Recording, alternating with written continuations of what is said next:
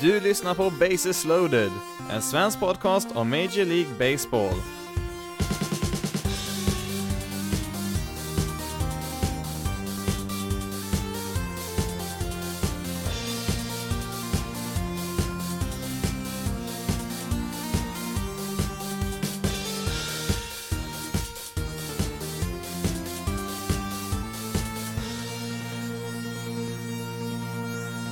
Och välkommen till veckans avsnitt av Bases loaded, en svensk podcast om Major League Baseball. I det här avsnittet så blir det lite grann om Craig Kimbrell och Dallas Keuchel som till slut har skrivit på kontrakt efter att ha varit free agent sen förra säsongen. Vi kör också igång eh, divisionskollen här nu igen, alltså gå igenom en division lite mer specifikt varje avsnitt här de närmaste veckorna och eh, det kommer ligga lite extra fokus på vad de har gjort i draften här nu som har avslutats nyligen och eh, även vad de kan tänkas göra inför trading deadlinen som är i slutet av juli. Sen så blir det lite tv-tider där på slutet också. Vi börjar då med just Craig Kimbrell och Dallas Keuchel som då inte längre är free agents efter att de har skrivit på kontrakt här nu i veckan som gick. Både Kimbrell och Keuchel hade ju tackat nej till ett qualifying offer förra vintern där och det gjorde ju att det lag som skulle skriva på kontrakt med dem skulle då tappa ett draftval om de gjorde det. Detta kombinerat med att de krävde ganska mycket pengar i vintras gjorde ju att eh, de inte fick något erbjudande där som de vill tacka, tacka ja till och eh, ja, säsongen körde igång där utan dem och eh, det är ju först nu då i början av juni som de faktiskt har skrivit på. Anledningen till att de här två då skrev på ett kontrakt så pass tätt in på varandra, det var ju att efter MLB-draften drog igång här nu så försvann ju det här kravet på att man var tvungen att ge upp ett draftval draftval om man skrev på kontrakt med de här två spelarna. Och när man då inte längre behövde ge upp ett draftval där så visade det sig att ganska många lag var intresserade där att eh, skriva på med de här två. Först ut då Craig Kimbrell som har varit den mest dominanta relievern de senaste åren och en del skulle nog argumentera att han kanske har varit den mest dominanta relievern någonsin över ett visst antal år. Det säger ju en hel del för att relief pitchers har ju en tendens att vara väldigt ojämna från år till år. Det finns ju sådana som kan vara en av ligans bästa relief pitchers ett år, och sen nästa år var helt värdelösa helt plötsligt, så att eh, en spelare utav Kimbrells kaliber är ju inte jättevanlig i MLB.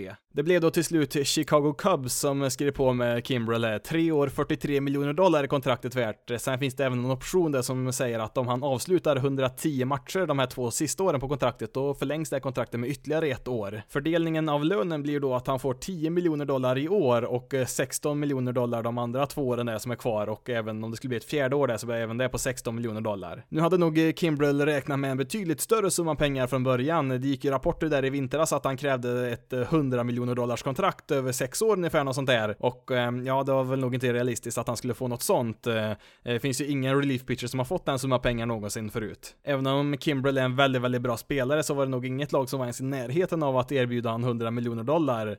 Han är ju över 30 nu för tiden och ehm, ja, sen så var väl förra säsongen såg han inte riktigt så dominant ut som han har gjort tidigare heller. Han tillät ju bland annat väldigt mycket walks förra året, framförallt under andra halvan och i slutspelet där så gick ju de siffrorna upp ganska rejält rejält. Eh, trots eh, svårigheterna där för Kimbrell så gick han ju hela vägen med sitt Red Sox till en World Series-titel, men eh, som sagt, det såg ju väldigt skakigt ut när han väl var inne på planen där. Vi såg även förra året att hans strikeouts gick ner något, ligger fortfarande väldigt högt i den kategorin där, men det är fortfarande en försämring och han tillät ju också en hel del fler homeruns än tidigare. Kollar vi på Cubs bullpen så har ju den tappat väldigt många ledningar i år. Man ligger ju visserligen med där uppe i toppen av divisionen, men kollar man på deras bullpen så har ju de egentligen förlorat Cubs flera matcher i år. Nu har ju visserligen Pedro Strope och eh, Brandon Murrow varit eh, skadade där som brukar vara med där i slutet av deras bullpen i vanliga fall och eh, det har ju gjort att Steve Zizek har ju varit deras closer och visst, han har väl varit okej, okay, men han har inte varit någon dominant closer direkt där. Nu kommer ju i alla fall Strope tillbaka här ganska nyligen och kommer väl att utmana Zizek om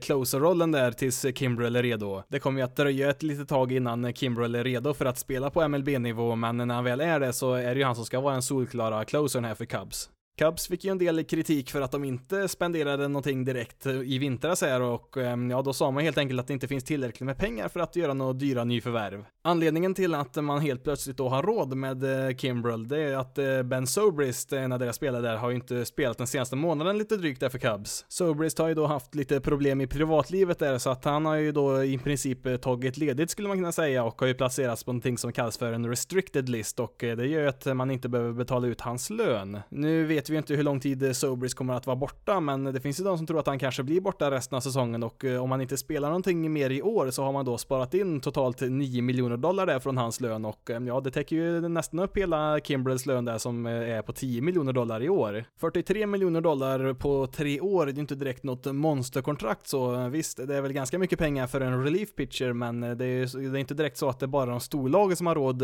med ett sånt kontrakt av de lagen som rapporterades att vara intresserade utöver Cubs så var väl framförallt Tampa Bay Rays lite överraskande där att de erbjöd ett liknande kontrakt som det han skrev på, lite, lite mindre pengar där än vad Cubs erbjöd. Men Rays brukar, brukar ju inte direkt lägga sig i förhandlingar med storspelare så här speciellt ofta. Även Minnesota Twins fanns med länge där i diskussionerna men de ville ju bara erbjuda ett eh, tvåårskontrakt till honom. Om Kimbrell kommer tillbaka och spelar på den eh, nivån som vi är vana att se honom så är det nog ganska många lag som kommer att ångra sig att de inte erbjuder honom någonstans eh, kring 50 miljoner dollar för att det hade ju räckt för att värva honom där. Eh, inte direkt någon stor summa pengar för något lag i MLB egentligen och eh, framförallt så är det ju många lag som haft väldigt eh, dåliga bullpens i år som verkligen kunnat använt Kimbrell. Man kan ju titta på lag som Nationals och Brewers som enligt regelverket hade blivit av med draftval ganska långt bak i deras draft där, kanske i runda 3 eller runda 4, så de hade ju inte direkt tappat något eh, toppdraftval där så. Eh, sen får man väl även ha lite koll på att eh, Brewers eh, har ju sin högsta payroll någonsin, alltså de har aldrig haft så här mycket höga löner så att de kanske inte riktigt hade den möjligheten där. Och även Nationals har ju ganska höga löner nu för tiden så att Visst, eh, ekonomiskt så kanske inte det var riktigt hållbart för dem där, men eh, de hade absolut eh, kunnat använda en spelare som Kimbrell. Ett annat lag som borde ha funnits med tidigare där i diskussionerna, det är ju Philadelphia Phillies och hade de skrivit på ett kontrakt med Kimbrell eh, innan draften här så hade de fått ge upp sitt eh, val i tredje rundan där, så det är inte heller något av deras absolut högsta val där och eh, de har ju till skillnad från de andra två lagen där som jag nämnde ganska gott om plats för löner där. De har ju, de spelar ju en väldigt stor stad och har ju väldigt mycket ekonomiska intäkter där och som sagt deras Eh, deras löner är inte speciellt höga i nuläget så att eh, de hade verkligen, eh, det hade verkligen varit logiskt att de hade gett sig in där i, i förhandlingarna i alla fall, för med tanke på hur deras bullpen ser ut just nu, både rent prestationsmässigt och alla skador som de har där. Men, men, i vilket fall som helst, Kimbrel i Chicago då, och vi får väl se då hur lång tid det tar innan han kommer att göra sin debut där för Cubs. Eh, förväntas vara redo om ungefär två till tre veckor, men eh, ja, vi får väl se hur lång tid det tar i verkligheten där, för det tar ju lite tag innan pitchers eh, kommer igång ordentligt. Pitchers som har missat en spring training har ju traditionellt sett Eh, haft det väldigt svårt att komma in mitt i säsongen och det såg ju framförallt ehm, förra året, när var det en del pitchers där som skrev på precis innan säsongen började där och det tog ju ganska lång tid innan de var uppe i sin normala kapacitet. Vi går då vidare med Dallas Keuchel, en starting pitcher som har skrivit på för Atlanta Braves. Ehm, han fick ju då ett eh, tekniskt sett ett 20 miljoner dollars kontrakt, men då drar man ju bort eh, den här biten som han har spelat av säsongen redan, så att i verkligheten så blir det då värt 13 miljoner dollar i år för honom där. Även Atlanta Braves fick en hel del kritik i vintras att de inte spenderar speciellt mycket Eh, man eh, har skrivit på ett ettårskontrakt där med Josh Donaldson där på 23 miljoner dollar, men i övrigt så var det inga större nyförvärv som man gjorde, i alla fall inte ekonomiskt sett. Eh, totalt sett så har man då en payroll på 116 miljoner dollar, vilket är långt under genomsnittet i MLB, så att man har ju absolut utrymme att lägga in större löner där. Även Dallas Keuchel krävde ju ett ganska stort kontrakt i vintras där som gjorde att de flesta inte var intresserade. Sett några rapporter där som säger att han vill ha någonstans kring ja, 100 miljoner dollar på fem år och jag har sett en del siffror som säger högre än det också. Om, ja, det var väl inte heller så speciellt realistiskt att han skulle få det. En fördel för Keikel som blir free agent igen då efter den här säsongen, det är att man inte kan erbjuda honom ett eh, qualifying offer där, så att det kommer inte finnas någon eh, draftvalskompensation där för att eh, skriva på kontrakt med honom efter den här säsongen.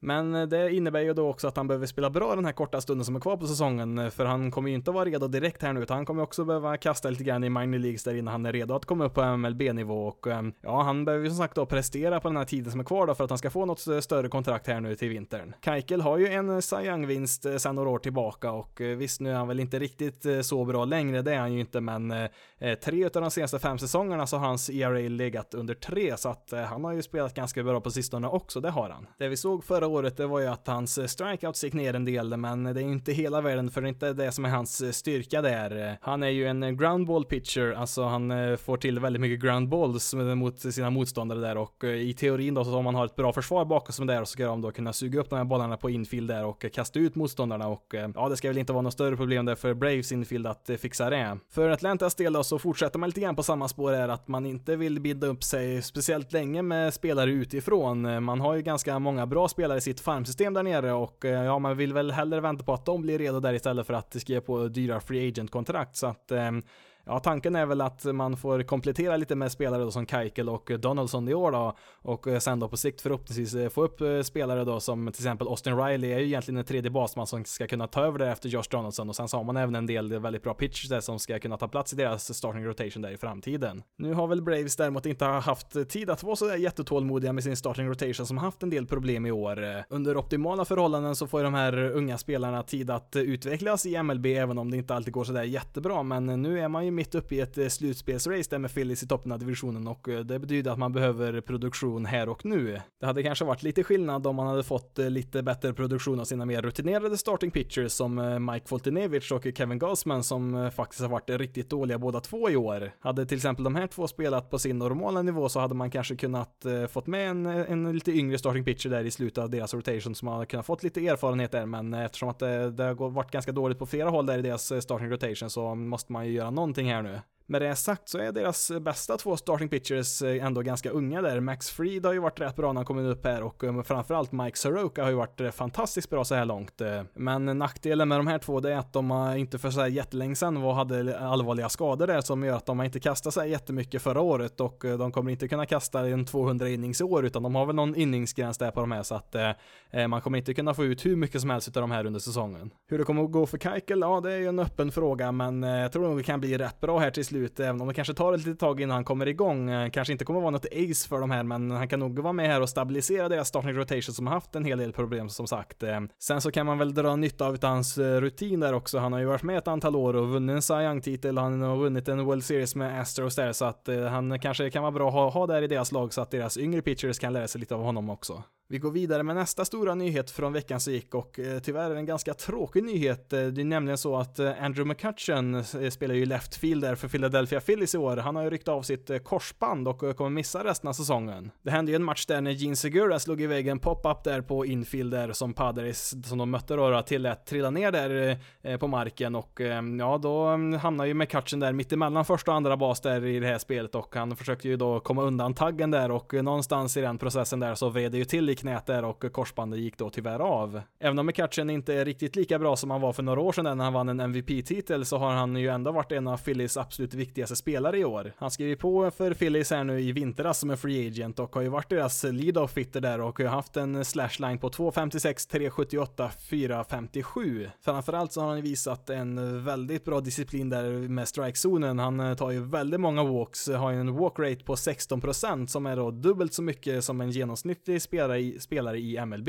Med kutchens skada här nu så börjar det bli lite tunt på Phillies outfield. Det är ju han och Bryce Harper som har spelat de flesta matcherna där på varsin kant. Ehm, det är ju de som spelar mest där och sen så har man ju även Odubel Herrera där som har spelat en del i centerfield då, ganska regelbundet, men eh, han är ju i nuläget avstängd eftersom att han greps för ett tag sedan misstänkt för att ha misshandlat sin flickvän där och ehm, ja, kombinerar man det med att han har spelat fullständigt uruselt i år så ehm, är väl hans framtid i Phillies ganska osäker och den, eh, ja, hans framtid i MLB överlag är väl osäker som det ser ut just nu. Man har ju testat på lite andra spelare där bakom som man får toppa in lite, lite då och då, men det har ju inte sett speciellt bra ut där och man skickade upp och ner lite spelare från minor League så att man har inte hittat någon bra lösning där än så länge. Nu hade man i och för sig lite tur i oturen här för precis innan McCutchen skadade sig så tradade man ju till sig Jay Bruce där en outfielder som då får ta över i left field då, efter McCutchen nu då eh, på heltid. Man eh, tradade till sig Jay Bruce eh, från Seattle för i princip ingenting egentligen. Eh, han skulle väl egentligen var deras fjärde outfielder där som skulle kunna hoppa in lite då och då och var egentligen var ett eh, vapen som slagman där från bänken eh, från början. Men nu får han ju då vara ordinarie spelare då med McCutchen borta. Rent offensivt så har väl Jay Bruce varit eh, rätt bra för Seattle innan den här traden då. Framförallt så slog han iväg 14 homeruns för Seattle och ja, han inledde ju på samma vis för Philadelphia då med fyra homeruns på lika många matcher varav en var en grand slam så att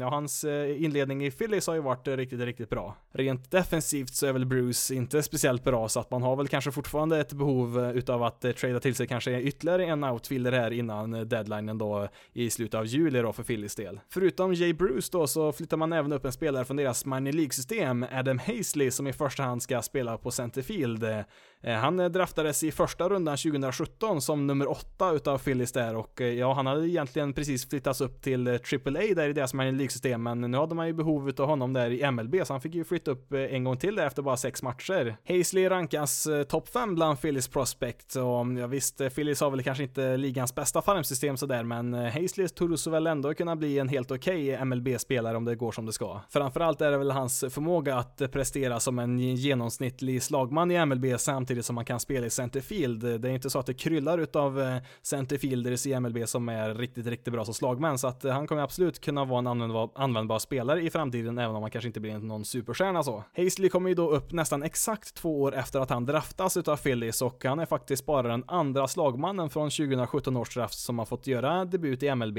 Tyvärr så har han bara hunnit med två matcher då innan han själv hamnade på deras injured list med en skadad ljumske så att eh, det fortsätter att vara lite tunt där på deras outfield där i Philadelphia. Vi hoppar vidare till Milwaukee och eh, Kesten Hira som var faktiskt den första slagmannen från den här draften 2017 att få göra MLB-debut som han gjorde där för några veckor sedan. Och eh, ja, han valdes faktiskt valet efter Hazley i den här draften som nummer 9. Kesten Hira har ju faktiskt eh, spelat rätt bra sedan han kom upp här, visserligen bara 17 matcher, men han har ju en slashline på 2,81, 3,33, 5,31 och ja, 5 homeruns på det. Så att eh, det har ju sett rätt bra ut som sagt för honom där, men nu kom det ett besked här att han skulle flyttas ner till AAA här förra veckan. Eftersom att han han spelat så pass bra från början här så trodde ju nog många att han skulle få chansen att eh, stanna kvar permanent på deras MLB-roster men eh, Travis Shaw då, som han ersatte där har ju kommit tillbaka från sin skada och eh, ja, då behövde man ju en plats på deras roster där och eh, då tog man beslut att skicka ner Hera där till deras minor League-lag. Travis Shaw har ju faktiskt ett par väldigt bra säsonger bakom sig i Brewers där, men han har ju varit fullständigt värdelös i år så att det är ju en del som är ganska upprörda över att han då får stanna kvar på deras MLB-roster och inte Kesten Hera.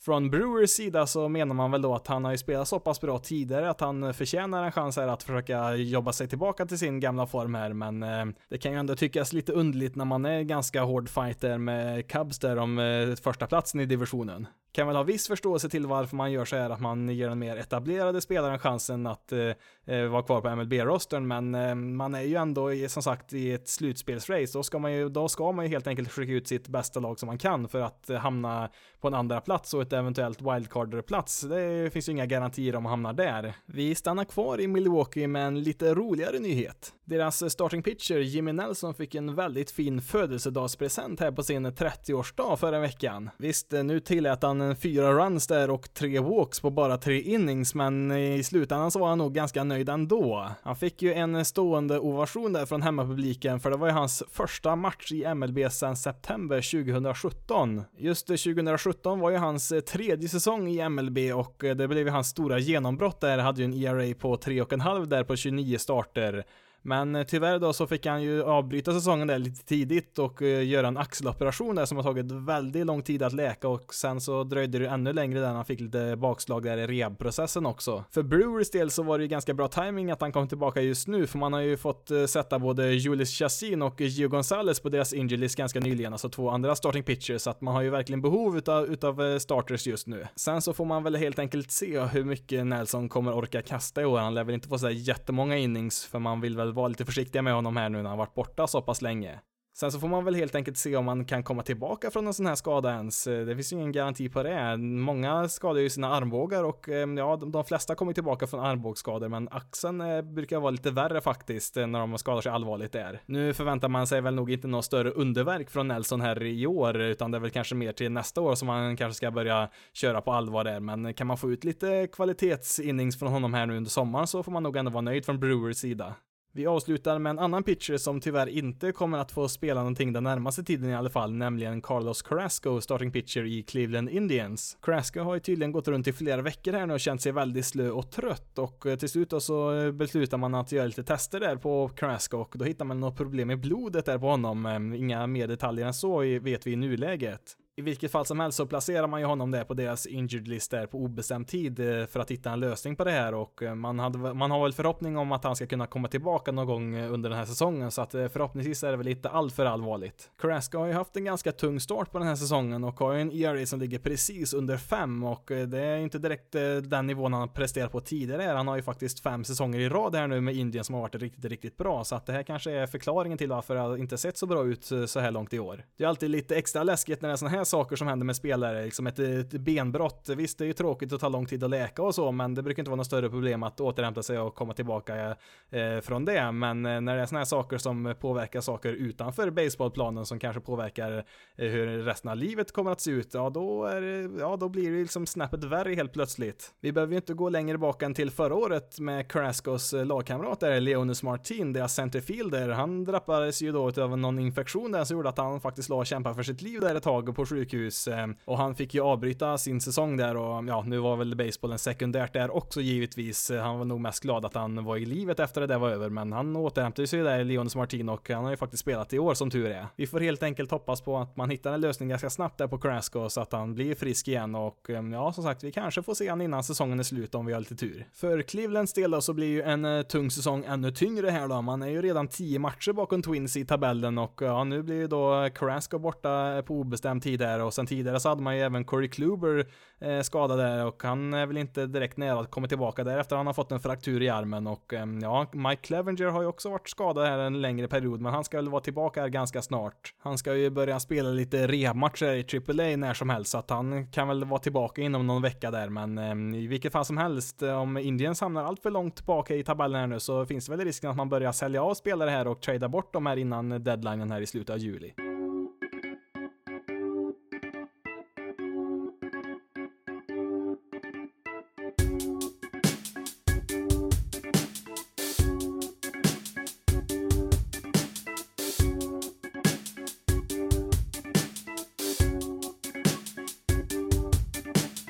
With the first selection of the 2019 MLB Draft, the Baltimore Orioles select Adley Rutschman, a catcher from Oregon State University. Så där lät det när kommissionär Rob Manfred presenterade det första valet i årets draft. Inte helt oväntat så var det just Adley Rutschman, den här catchen då, som eh, Baltimore valde som nummer ett. Eh, han har ju ansetts vara den absolut bästa spelaren i den här draften med ganska bred marginal. Det blir ju ganska stor press på honom nu också, för han blir ju den här spelaren som Baltimore ska bygga kring och han blir ansiktet utåt för deras rebuild här och ska ju vara den stora stjärnan då förhoppningsvis när Baltimore blir bra där igen. I övrigt så var väl egentligen de första valen ganska väntade där. Topp 7 där hade väl de flesta flesta placerat i rätt lag eh, när de har gissat på förhand där. Det var väl någon spelare som kanske var någon placering högt eller för lågt eller så, men i regel så hade man ganska bra koll på vart de här första spelarna skulle gå i alla fall. Om vi bara nämner topp 5 här lite snabbt eh, så var det då Adley Rutschman som sagt, eh, nummer 1 till Baltimore. Sen nummer 2 valde Royals Bobby Witt Jr, en shortstop. På tredje plats valde White Sox första basmannen Andrew Vaughn. Eh, nummer fyra, en outfielder, JJ Bleday till Marlins och eh, på femteplatsen då Riley Green, även han en outfielder till Tigers. Av de här tio spelarna som jag tog upp inför draften här, de här avsnitten innan, så var det faktiskt bara två stycken som inte hamnade i topp 10 när man väl skulle välja. Det var ju först då eh, Alex Manoa, en pitcher som gick som nummer 11 till Blue Jays och eh, Jackson Rutledge och även han en pitcher då som nummer 17 till Washington Nationals. De två spelarna som letade sig in på topp 10 där som jag inte har nämnt tidigare, det var då Josh Young som gick som nummer 8 till Rangers, en tredje basman. Sen så var det även Shay Langoliers på val nummer 9, en catcher som gick till Braves. Eh, uh, Langoliers där har ju gått lite upp och ner på rankingen där. Han eh, bröt ju handen här i våras så att eh, han har väl inte riktigt hunnit presterat så mycket som han gjort i vanliga fall där men han har spelat bra på slutet så han kom in på en topp 10 plats där till slut. Generellt sett så ansåg man väl att den här draftklassen inte var speciellt bra jämfört med andra år. Det är givetvis omöjligt att säga nu på förhand vilka spelare som kommer att bli bra och så men eh, oavsett så kommer vi att se flera superstjärnor och kanske en och annan Hall of Famer som har draftats här nu i år men eh, på förhand nu så var man väl inte säga jätteuppspelt över den talang som fanns, men eh, det kan ju hända mycket på de här åren när de här ska utvecklas i minor leagues. Framförallt eh, pitchers ansåg man inte var speciellt bra i den här draften. Visst, det fanns några stycken där, men eh, om man kollar på hur de draftades så var det faktiskt först på sjunde plats som den första pitchen gick där, Nick Lodolo, en vänsterhänt pitcher som gick till Cincinnati. Och det är faktiskt första gången någonsin i en MLB-draft som man inte väljer en pitcher i någon av de sex första valen. Det valdes ju faktiskt bara två stycken pitchers på de första 16 valen valen. Sen gick det ju fyra på rad där eh, från val 17, men eh, de flesta pitchers som gick i första rundan, de gick ju på den andra halvan då. Tänkte vi skulle kolla på några intressanta namn här som, ja, kanske inte nödvändigtvis är de bästa spelarna, men de har lite intressanta släktträd. Som vi nämnde i ett tidigare avsnitt så är då Bobby Witt Jr. son till eh, Bobby Witt. Ja, det är ju ganska logiskt när man hör namnet, men pappa Witt där då, han hade också en lång MLB-karriär och de är faktiskt de högst draftade kombinationen av fader och son, för pappa där, han valdes ju som nummer tre och eh, sonen Junior valdes ju som nummer två i den här draften utav Royals. I den andra rundan så valde Red Sox Matthew Lugo som är brorson till före detta spelaren Carlos Beltran. I den tolfte rundan så valde ju New York Mets eh, svenska-amerikanen Antoine Duplantis och han är ju då bror till stavhopparen Armand Duplantis. Sen så får vi hoppa ända till runda nummer 32. Där valde Blue Jays Braden Halliday som då är sonen till den nyligen avlidne Roy Halliday, en starting pitcher där som eh, valdes in i Hall of Fame i vintras. Nu visste man ju på förhand att Braden redan bestämt sig för att spela på college med Penn State, men man kom överens där att eh, som en hyllning till pappa Roy där att eh, välja sonen i runda nummer 32, för Roy Halladay hade ju nummer 32 när han spelade för Toronto Blue Jays. I runda nummer 35 så valde Kansas City Royals Jonah DePoto som är son till eh, Mariners general manager Jerry DePoto. Pappa DePoto har ju faktiskt varit general manager för Angels en gång i tiden också och 2015 så draftade han faktiskt sin egen son där Jonah, men eh, då valde han att eh, spela vidare på college istället och i årets draft så var ju då Royals för snabba där och eh, tog Jonah DePoto före pappa kunde göra det i årets draft. Vidare till runda 38 där Cole Roberts valdes utav Padres och han är ju då son till nuvarande managern i Dodgers, Dave Roberts. Till sist i den 39 rundan så var Padres igång igen där och valde Dylan Hoffman som är brorson till Hall of Famern Trevor Hoffman. Har man inte fått nog av draften där så kan man ju alltid kolla på vilka som tippas gå högt i draften 2020. Det finns ju redan lite topplistor på vilka som kan tänka sig gå ganska högt där, men det kan ju, kommer ju hända ganska mycket på ett år när det blir, innan det blir dags igen. En tidig favorit som första val i nästa års draft, det är Emerson Hancock, en högerhänt pitcher som spelar på college i Georgia.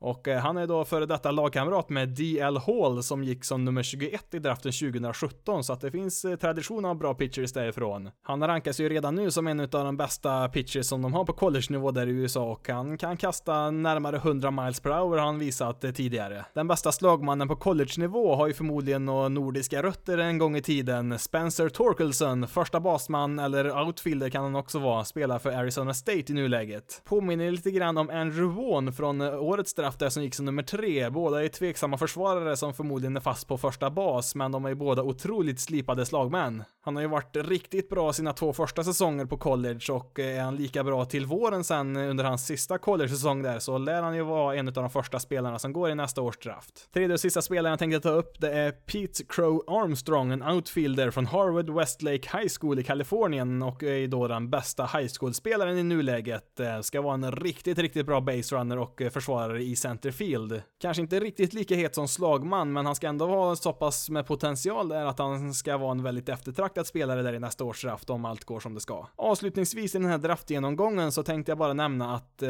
de närmaste veckorna när vi går igenom en division åt gången där lag för lag så tänkte jag att jag kan nämna lite spelare som har gått högt i deras drafter där i varje lag för sig eh, så man kan ha lite koll på vad som kanske kommer där i framtiden i varje lag.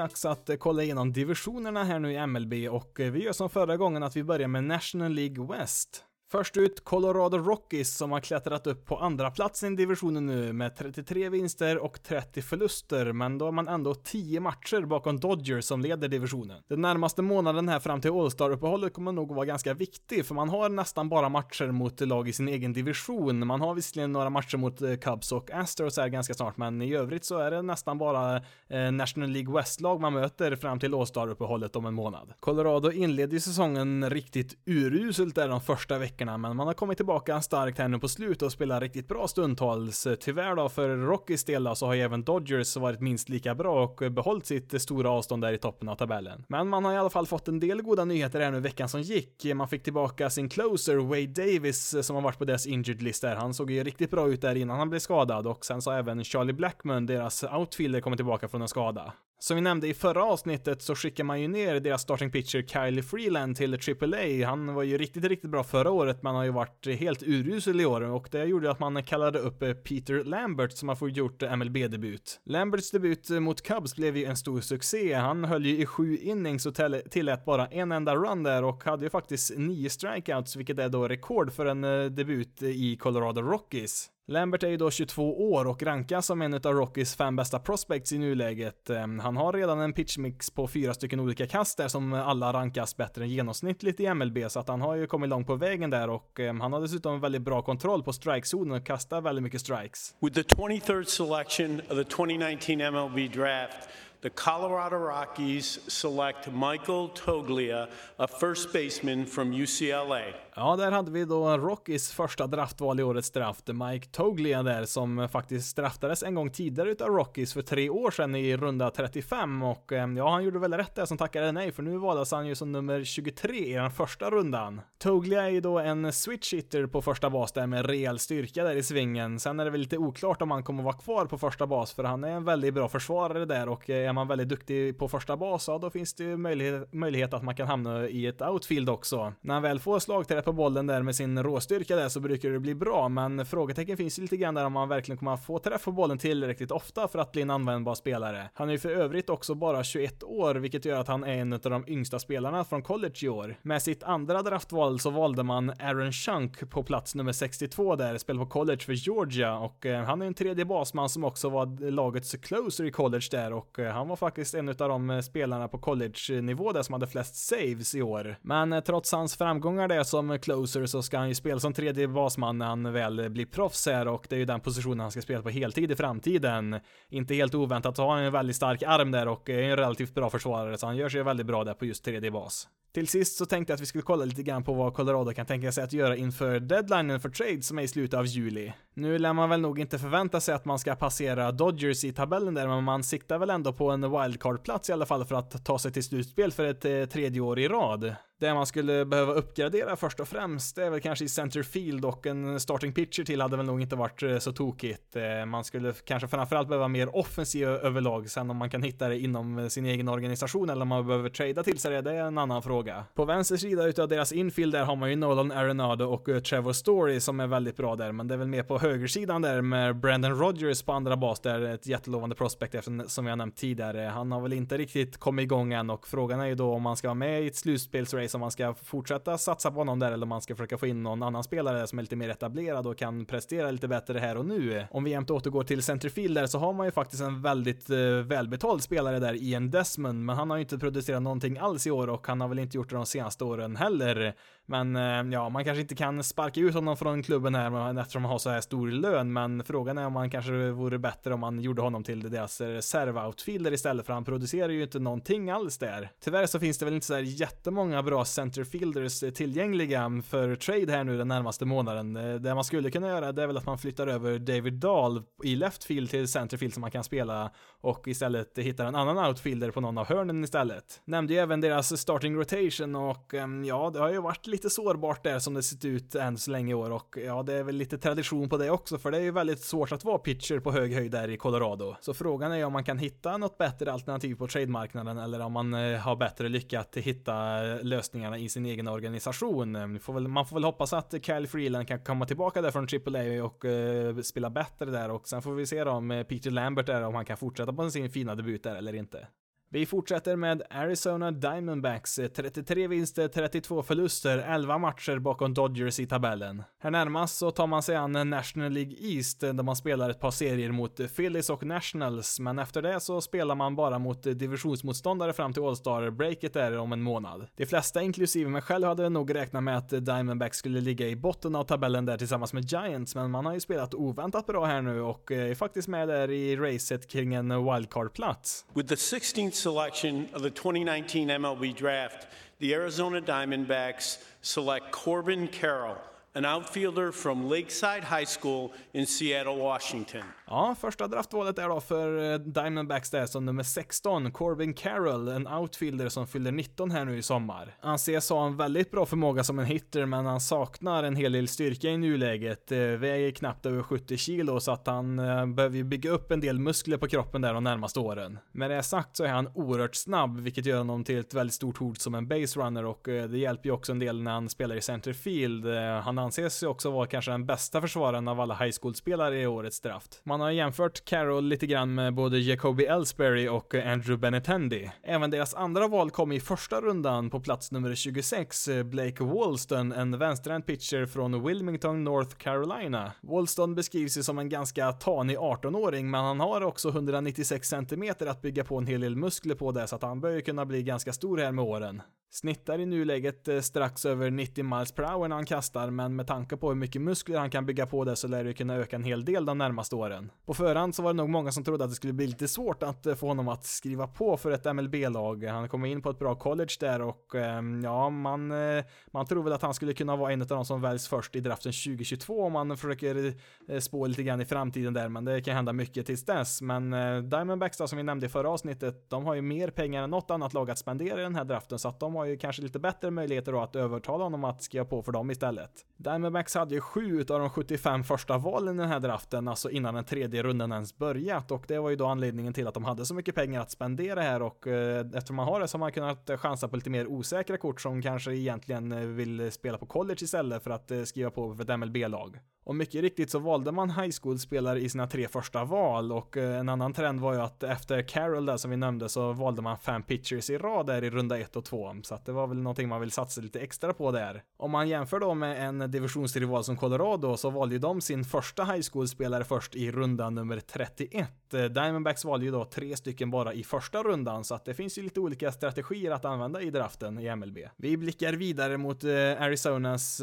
trade-möjligheter här nu den närmaste månaden sommaren och det är väl kanske en av de mer komplicerade situationerna bland lagen i MLB hur de ska göra här nu den närmaste månaden eller så. Visst, eh, nu är man ju med där i slutspelsjakten här så här långt på säsongen i alla fall och eh, det är ju roligt ju mer lag som är med där och slåss men eh, samtidigt kan man ju inte bränna all framtid på sån här säsong när man i bästa fall kanske tar en wildcard-plats och det är som sagt bara ett kanske. Nu ser det väl ut som att man i nuläget försöker att förbättra sitt lag här så gott det går utan att eh, skicka iväg sina bästa spelare i deras minor League system där. Nu har man väl kanske inte världens bästa system till en början med där så att man behöver bygga upp där istället för att trada bort dem. Men man har eh, ryktats eh, på lite spelare här och eh, det var tydligen nära att man tradade till sig Mike Leake, en starting pitcher från Seattle Mariners här förra veckan. Sen så kommer ju deras farmsystem visserligen att bli betydligt bättre här nu de närmaste veckorna här när man skriver på kontrakt med de här, alla de här spelarna man har draftat högt upp eftersom man hade så många val där och så att det kommer ju bli betydligt bättre men som sagt det, det känns inte som att det här är rätt säsong att börja satsa allt för mycket. Om man istället eh, börjar förlora massa matcher här nu den närmaste månaden och eh, kommer fram till att man ligger alldeles för långt bak i racet där så mm, har man ju ändå en del spelare som kan vara intressanta för andra lag att eh, trada till sig.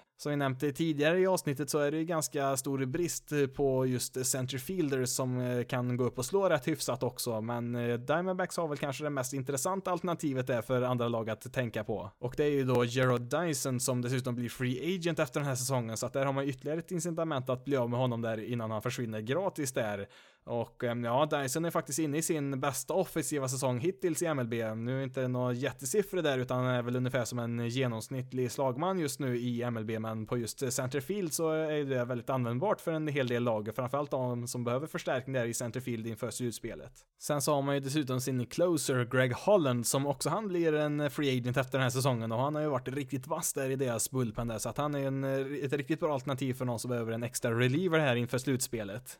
Nästa lag är då Los Angeles Dodgers, eh, 44 vinster, 21 förluster, 10 matcher leder man sin division med och eh, har ju bästa record i hela MLB delat då med Houston Astros. Här nu i veckan så är det matcher mot Angels och Cubs, eh, sen så blir det mestadels matcher mot eh, lag i divisionen här nu fram till eh, All-Star-uppehållet. För övrigt så rullar det väl mest på här för Dodgers, det finns väl inte direkt något större hot i divisionen som det ser ut just nu och ja, man är väl egentligen det bästa laget i hela National League just nu och dessutom så har man ju fått igång Corey Seager här nu på shortstop som har haft lite trögt där i inledningen så att det klickar ju på ganska många ställen här nu för Dodgers del. Inledningsvis så har väl framförallt Cody Bellinger fått de stora rubrikerna och eh, ja, det har han väl fått med all rätt med tanke på hur bra han har spelat, men eh, man har ju även fått fram en solklar ledare i Cy Young-omröstningen än så länge. Yunjin Ryu, deras starting pitcher, har ju varit extremt bra här nu inledningsvis. Eh, han har ju lägst ERA i hela MLB bland alla starting pitchers, hans ERA ligger på 1,35 Han var ju faktiskt en av de här spelarna förra året som erbjöds ett qualifying offer när han blev en free agent och han valde ju faktiskt att skriva på det för han hade ju ett ganska skadedrabbat 2018 där, missar ju halva säsongen och gjorde ju bara 15 starter. Det innebär ju också att eh, Ryu blir free agent även efter den här säsongen och visst, han fyller ju 33 lagom till nästa säsong börjar där, men om han fortsätter på den här nivån så har han nog eh, spelat till sig ett ganska bra kontrakt där. Det som har varit mest imponerande med Ryus eh, säsong så här långt i år, det är att han inte tillåter några walks alls. Eller ja, fem stycken har han ju visserligen tillåtit på hela den här säsongen, men det blir ju då en var sextonde inning för hans del. Visst, nu kanske inte det är hållbart i längden, men det är ändå imponerande när man kollar på topplistan där vilka pitchers som tillåter minst walks och ja, han leder ju givetvis eh, i den kategorin där och eh, tvåan då är ju faktiskt hans lagkamrat eh, Clayton Kershaw och han tillåter mer än dubbelt så många walks som Ryu har gjort så att han ligger ju helt klart i en klass för sig själv just nu. Nu har ju hela deras starting rotation varit helt fantastisk där för Dodgers och kollar man på alla deras åtta pitchers som har startat minst en match så mm, den som har högst ERA när de har varit en starter för Dodgers det är Walker Bueller som har en ERA då på 3,69. Alla andra ligger ju under det vilket är helt fantastiskt. With the 25th selection of the 2019 MLB draft the Los Angeles Dodgers select Cody Hosey, a third baseman from Tulane University. Dodgers första val i draften på plats nummer 25, Cody Hosey, tredje basman som fyller 22 om en månad här. Ganska vågat val här ändå. Under sina två första år på college där så slog han iväg sammanlagt fem homeruns där och gav väl inget eh, direkt märkvärdigt så, men han draftades ändå utav Royals där i runda 35 förra året, men han valde att eh, fortsätta på college där och ehm, ja, det gjorde han ju, gjorde han ju rätt i, för han hittade ju en massa styrka här i sin sving där och helt plötsligt så slog han iväg en 23 homeruns här nu i våras under college-säsongen där så att eh, han kom ju lite grann från ingenstans här och frågan är om det är hållbart i framtiden det han presterat här nu i vår. Han har ju som sagt eh, rätt bra med styrka där men inget annat som direkt sticker ut sådär väldigt mycket och han är väl en helt okej okay försvarare där på tredje bas. Sen så hade ju Dodgers faktiskt två val i första rundan här så att de fick även välja på nummer 31 och då valde man Michael Bush från North Carolina. Bush fyller ju 22 senare här i år och han har väl mest eh, spelat på första bas och har väl testat på lite outfield också. En vänsterens lagman då som eh, kan slå för både average och eh, styrka anses väl vara ett ganska säkert kort rent offensivt och man tror väl att han ska bli en väldigt bra slagman. Största frågetecknet är ju då framförallt eh, hans försvarsspel. Han har ju provat på lite outfield som sagt och även lite andra bas, men risken är väl att han fastnar på första bas i framtiden. Har ju jämförts lite grann med Max Muncy som är en fantastiskt bra slagman, men som kanske inte direkt är känd för sitt försvarsspel heller. Generellt sett från Dodgers sida då så satsar man ju främst eh, på college-spelare. Man valde bara en enda high school-spelare i de 20 första rundorna. I toppen av draften här då så satsar man ju då främst på lite power hitters här som vi nämnde ett par stycken här och det blev faktiskt också en hel del relievers som man valde och även en del andra pitchers där som förmodligen kommer att bli relievers i framtiden. Även om Dodgers till synes har ett eh, komplett lag så finns det ändå lite brister man skulle kunna förstärka här eh, med lite trader och eh, det är väl framförallt deras bullpen som man skulle behöva förstärka upp där som har varit lite skakig så här långt i år. Just deras bullpen har ju en ERA på 4,5 och det hamnar man på 20 plats på i ligan vilket inte är speciellt bra för ett lag när man väl kommer in i slutspelet. Det kan ju funka nu i grundspel när man har en så pass bra rotation men man behöver verkligen ha sina relievers i toppform där när man väl går till slutspel. Visst har ju Kenley Jensen och Pedro Bias varit riktigt bra där i deras bullpen, men framförallt Jensen då, deras closer, har ju inte varit alls sådär dominant som han varit tidigare i år där och eh, han har ju lite problem med homeruns här nu den här säsongen. Som tur är för Dodgers del så är väl kanske relievers det enklaste man kan byta till sig, för det finns ju oftast eh, någon som är bra i, egentligen i varenda lag, även de dåliga lagen har ju någon bra reliever där, så att det finns ju ganska mycket att välja på. Kan bli lite intressant där om man närmar sig sin största rival där, San Francisco Giants, som inte har någonting att spela för i år, som samtidigt har en av ligans bättre bullpens. De har ju flera stycken eh, relievers där som kan vara aktuella för en trade. Visst kan det vara lite känsligt där mellan rivaler, men eh, nu styrs ju Giants utav Farhan Saidi som har jobbat väldigt många år i just Dodgers och de känner ju varandra ganska väl där då och eh, ja, det blir intressant att se om de kan komma överens om något där eller inte. Ska man vara lite petig så kanske man skulle kunna uppgradera lite grann på andra bas också och ett namn som har nämnts det är ju faktiskt då Whit Merrifield som spelar i Royals och ja, han kan ju spela på lite fler positioner också och det tycker, tycker man ju väldigt mycket om i framförallt Dodgers som flyttar runt sina spelare ganska mycket där så att han skulle ju vara, passa in väldigt bra där om man nu vill ge upp det som krävs för att få lösa honom där från Royals. Nästa lag, San Francisco Giants, eh, 26 vinster, 37 förluster, sist i divisionen och ligger då 17 matcher bakom Dodgers som leder och ja, man har ju 6 matcher upp till, bara till fjärdeplatsen där så att eh, det går inte sådär jättebra just nu för Giants del. Nu är det väl kanske inte någon större överraskning att eh, man har spelat dåligt i år, det var väl ganska väntat, men eh, ja, det är ändå tufft att se ett lag spela på det här viset och det finns ju inte direkt mycket som är positivt just nu i San Francisco. Inte ens deras eh, superstjärna Buster Posey har ju lyckats spela speciellt bra i år. Han opererade ju i och för sig i höften inför den här säsongen, men det har inte sett bra ut när han väl har spelat. Och ja, nu är han dessutom på deras injured list med en sträckning i låret, så att han har ju missat lite tid där också. Och ja, han har väl spelat ungefär som en genomsnittlig spelare, men man förväntar sig betydligt mer av en sån spelare som Posey. Det är ju ganska tungt överlag när det gäller just offensiven. Man producerar ju väldigt lite runs framåt där och det är väl egentligen bara Brandon Belt utav de som spelar regelbundet i alla fall som har spelat rätt bra där framåt i alla fall. Och ja, visst, Pablo Sandoval har väl varit rätt bra han också när han väl har spelat, men han spelar ju inte varje match heller. Det finns väl bara en enda ljuspunkt i Giants just nu och det är ju deras bullpen och eh, den är ju faktiskt en av ligans bästa just nu. De har ju sex stycken relievers som har en ERA under 3,5 vilket är väldigt, väldigt bra. With the 10th selection of the 2019 MLB draft, the San Francisco Giants select Hunter Bishop an outfielder from Arizona State University. Giants eh, första val då på plats nummer 10 blev ju då outfieldern Hunter Bishop som fyller 21 här nu i sommar. Han har faktiskt draftats en gång förut, eh, 2016 utav Padres i runda 24 där, men han valde ju då college istället och eh, ja, det gjorde han ju uppenbarligen rätt i. Bishop har väl varit lite trögstartad i sin utveckling för han kombinerar ju både amerikansk fotboll och baseball där i high school och det gjorde att han inte kunde specialisera sig lika mycket där som en del andra och det var ju först när han började på college som han bara satsade på baseball basebollen där, så att eh, det tog ju lite tag även på college där innan han kom ikapp de andra där, men nu det senaste året är hans tredje och sista på college så har han ju spelat riktigt, riktigt bra. Finns väl en liten risk här att han inte har presterat på den här höga nivån under en längre tid och eh, ja, han är ju den eh, spelaren som har klättrat kanske allra mest på rankingen i draften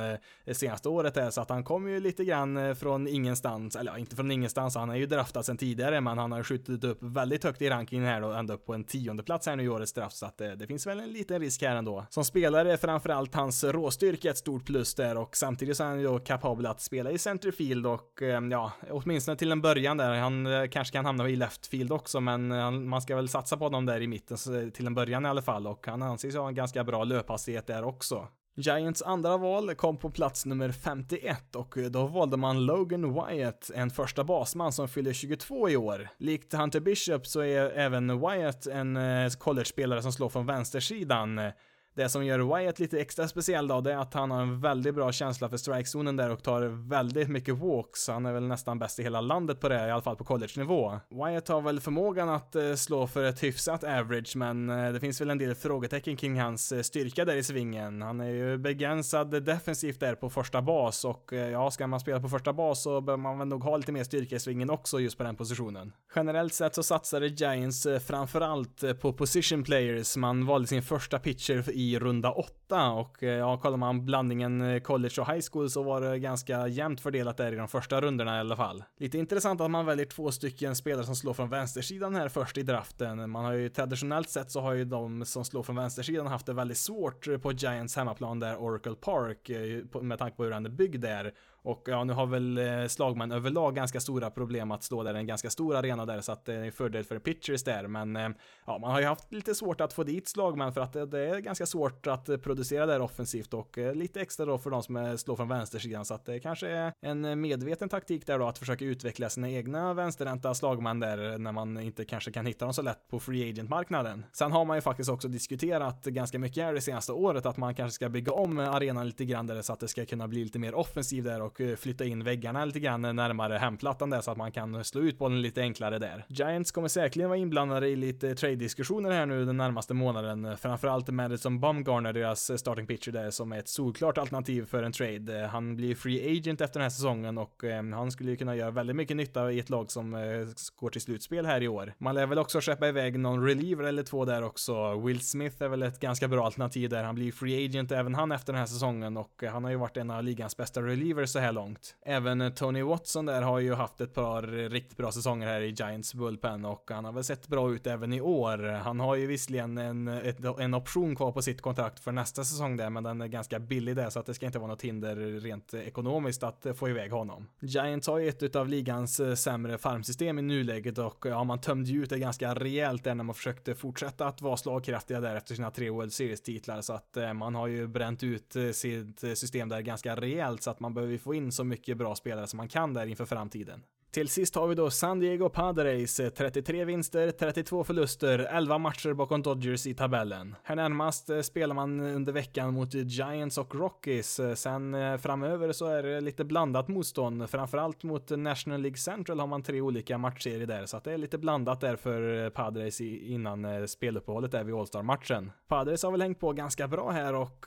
finns väl ändå med i fighten där kring en wildcard-plats. Ehm, om man kollar på truppen då så är det framförallt deras starting rotation lugnat ner sig lite grann där och det var väl ganska väntat med tanke på hur orutinerad deras rotation är där. Även då Chris Paddock som har varit eh, så dominant eh, tidigt på säsongen där har haft lite svårare på sistone men hans ERA ligger fortfarande under tre där. Sen så fick man ju lite goda nyheter här under förra veckan när Tatis Junior kom tillbaka där. Han har ju missat hela maj månad där på grund av en sträckning i låret där och eh, ja, han har ju spelat bra direkt han kommit tillbaka här. With the sixth selection of the 2019 MLB draft, the San Diego Padres select CJ Abrams Jr., a shortstop from Blessed Trinity High School in Roswell, Georgia. Padres fick idag välja på plats nummer 6 och eh, som ni hörde det så valde man CJ Abrams, en shortstop som fyller 19 i år. Abrams anses väl vara en ganska bra hitter redan nu, men han saknar väl kanske framförallt eh, homerun-styrkan där som han behöver jobba på i framtiden här. Eh, annars är en fantastisk eh, snabb, kanske den snabbaste spelaren i hela draften här och behöver bör kunna vara ett rejält hot som en base runner. Man har väl lite frågetecken kring om han kommer klara av att spela på shortstop i framtiden och kanske tror att han passar bättre på andra bas eller centerfield. Kollar man sen på övriga spelare i organisationen där så ser man ju att man redan har en väldigt ung shortstop där i form av Tatis, så att den positionen lär väl inte Abrams kunna slå sig in på i första taget där, så att eh, han lär väl få flytta positionen om han väl kommer upp på MLB-nivå. Man har även jämfört Abrams med eh, D. Gordon som spelar på andra bas i Seattle nu för tiden. Med sitt andra val på plats nummer 48 så valde man en high school-spelare, Joshua Mears, en outfielder som är 18 år gammal. Mears är ju då en powerhitter som bör kunna klara av att spela på någon av kanterna i ett outfield, trots att han är en väldigt stor spelare. Han har väl också jämförts med Nelson Cruz. Mears är väl en sån här spelare som det finns ganska stor risk med att välja, men han har också ett väldigt, väldigt högt tak. Alltså han har ju en potential att kunna bli hur bra som helst, men det är ju långt ifrån självklart att han kommer att nå upp till den nivån. Det har väl varit lite av en taktik i årets draft där från Padres sida att välja spelare som har ganska hög risk att det kanske inte blir någonting alls med de här spelarna, men när, det väl, när de väl lyckas med de här spelarna, då, då blir det väldigt, väldigt bra. Eh, sen så får vi komma ihåg då att Padres har ju ligans absolut bästa farmsystem så att eh, de vet väl vad de håller på med där också. När det gäller Padres och trademarknaden så har man väl inte direkt något större behov att få in eh, fler prospects. Det har man ju så det räcker och blir över. Det är väl snarare så att man behöver byta bort en del av de här för att få in lite mer färdiga spelare i truppen. Framförallt så skulle man kanske behöva en lite mer rutinerad starting pitcher där. Man har ju väldigt unga spelare där i deras rotation och ja, lite rutin där skulle man nog må bra av. Men liksom Bumgarner har ju nämnt som ett alternativ alternativ där om man eh, kan tänka sig att eh, byta inom divisionen där, men han är ju free agent efter säsongen där och jag tror nog man skulle må bra av att eh, kunna ha en pitcher som finns med även nästa år där eftersom att deras rotation fortfarande kommer vara, vara väldigt ung även nästa säsong. Inför säsongen så kopplades man ju ihop med bland annat Noah Syndergaard där, Mets starting pitcher och man fanns väl även med och diskuterade lite grann om Indians starting rotation där, några namn där, så att det finns ju ändå gott om alternativ och med tanke på hur många bra unga spelare man har så ska det inte vara något problem att kunna byta till sig någon bra starting pitcher här i framtiden. En annan lucka på deras roster, det är ju deras catchers. Eh, man har ju Austin Hedges där som är en fantastisk eh, defensiv catcher, men han är ju inte värd någonting alls som en slagman. Eh, man hade ju då Francisco Mejia, ett lovande prospect där som skulle vara den offensiva catchen där, men han har ju varit en av lagets sämsta spelare i år, så han har man ju skickat ner till AAA. Om vi kollar på offensiva catchers som, som skulle kunna vara tillgängliga, så mm, ja, Pedro Severino från Orioles där skulle kunna vara ett alternativ och sen så har jag även White Sox catcher James McCann verkligen varit riktigt het som slagman i år. Eh, sen är det väl frågan om White Sox har bestämt sig än om de ska sälja av lite spelare i år eller om de vill, faktiskt vill försöka spela sig upp eh, på, ett, på en wildcard-plats där eller inte. Till sist så kan det vara lite intressant även på andra bas. Eh, det har ju varit ganska tungt där för Padres i år. Man har ju då Luis Urias som ska vara deras framtida andra basman där på den positionen och han har ju fått chansen här nu lite grann i år men han har ju inte alls spelat bra där så att han är ju nere i AAA just nu. Sen så värvade man ju även in Ian Kinsler som free agent i vintras. Han är ju väldigt rutinerad på andra bas där, var ju med och vann World Series där med Red Sox här nu förra året och um, Ja, han har ju varit eh, bedrövlig i år. Visst, nu skulle han kanske inte i första hand vara en ordinarie spelare där i, i Padres. Han skulle väl kanske vara med där och stötta upp eh, Tatis och Urias där i mitten av deras infield. Men eh, ja, det har ju blivit att han har fått spela de mesta matcherna där på andra bas och det har ju inte sett bra ut där heller. Det kanske bästa alternativet är ju då att hitta en andra basman som blir free agent efter den här säsongen så att man kan satsa på Urias där till nästa säsong igen och se om man kan utvecklas där på den positionen och då har man ju faktiskt bland annat Scooter Gennett i Cincinnati Reds som skulle kunna vara ett alternativ. I nuläget så verkar det inte som att Reds är speciellt intresserade av att erbjuda han ett nytt kontrakt där, så att man skulle nog kunna tänka sig att trada bort honom där och visst, nu har han ju varit eh, skadad eh, hela säsongen här än så länge, men han ska snart vara tillbaka där så att eh, ja, det kan knappast bli sämre på den positionen än vad det har varit än så länge i år, så att det kan ju vara värt en chansning i alla fall.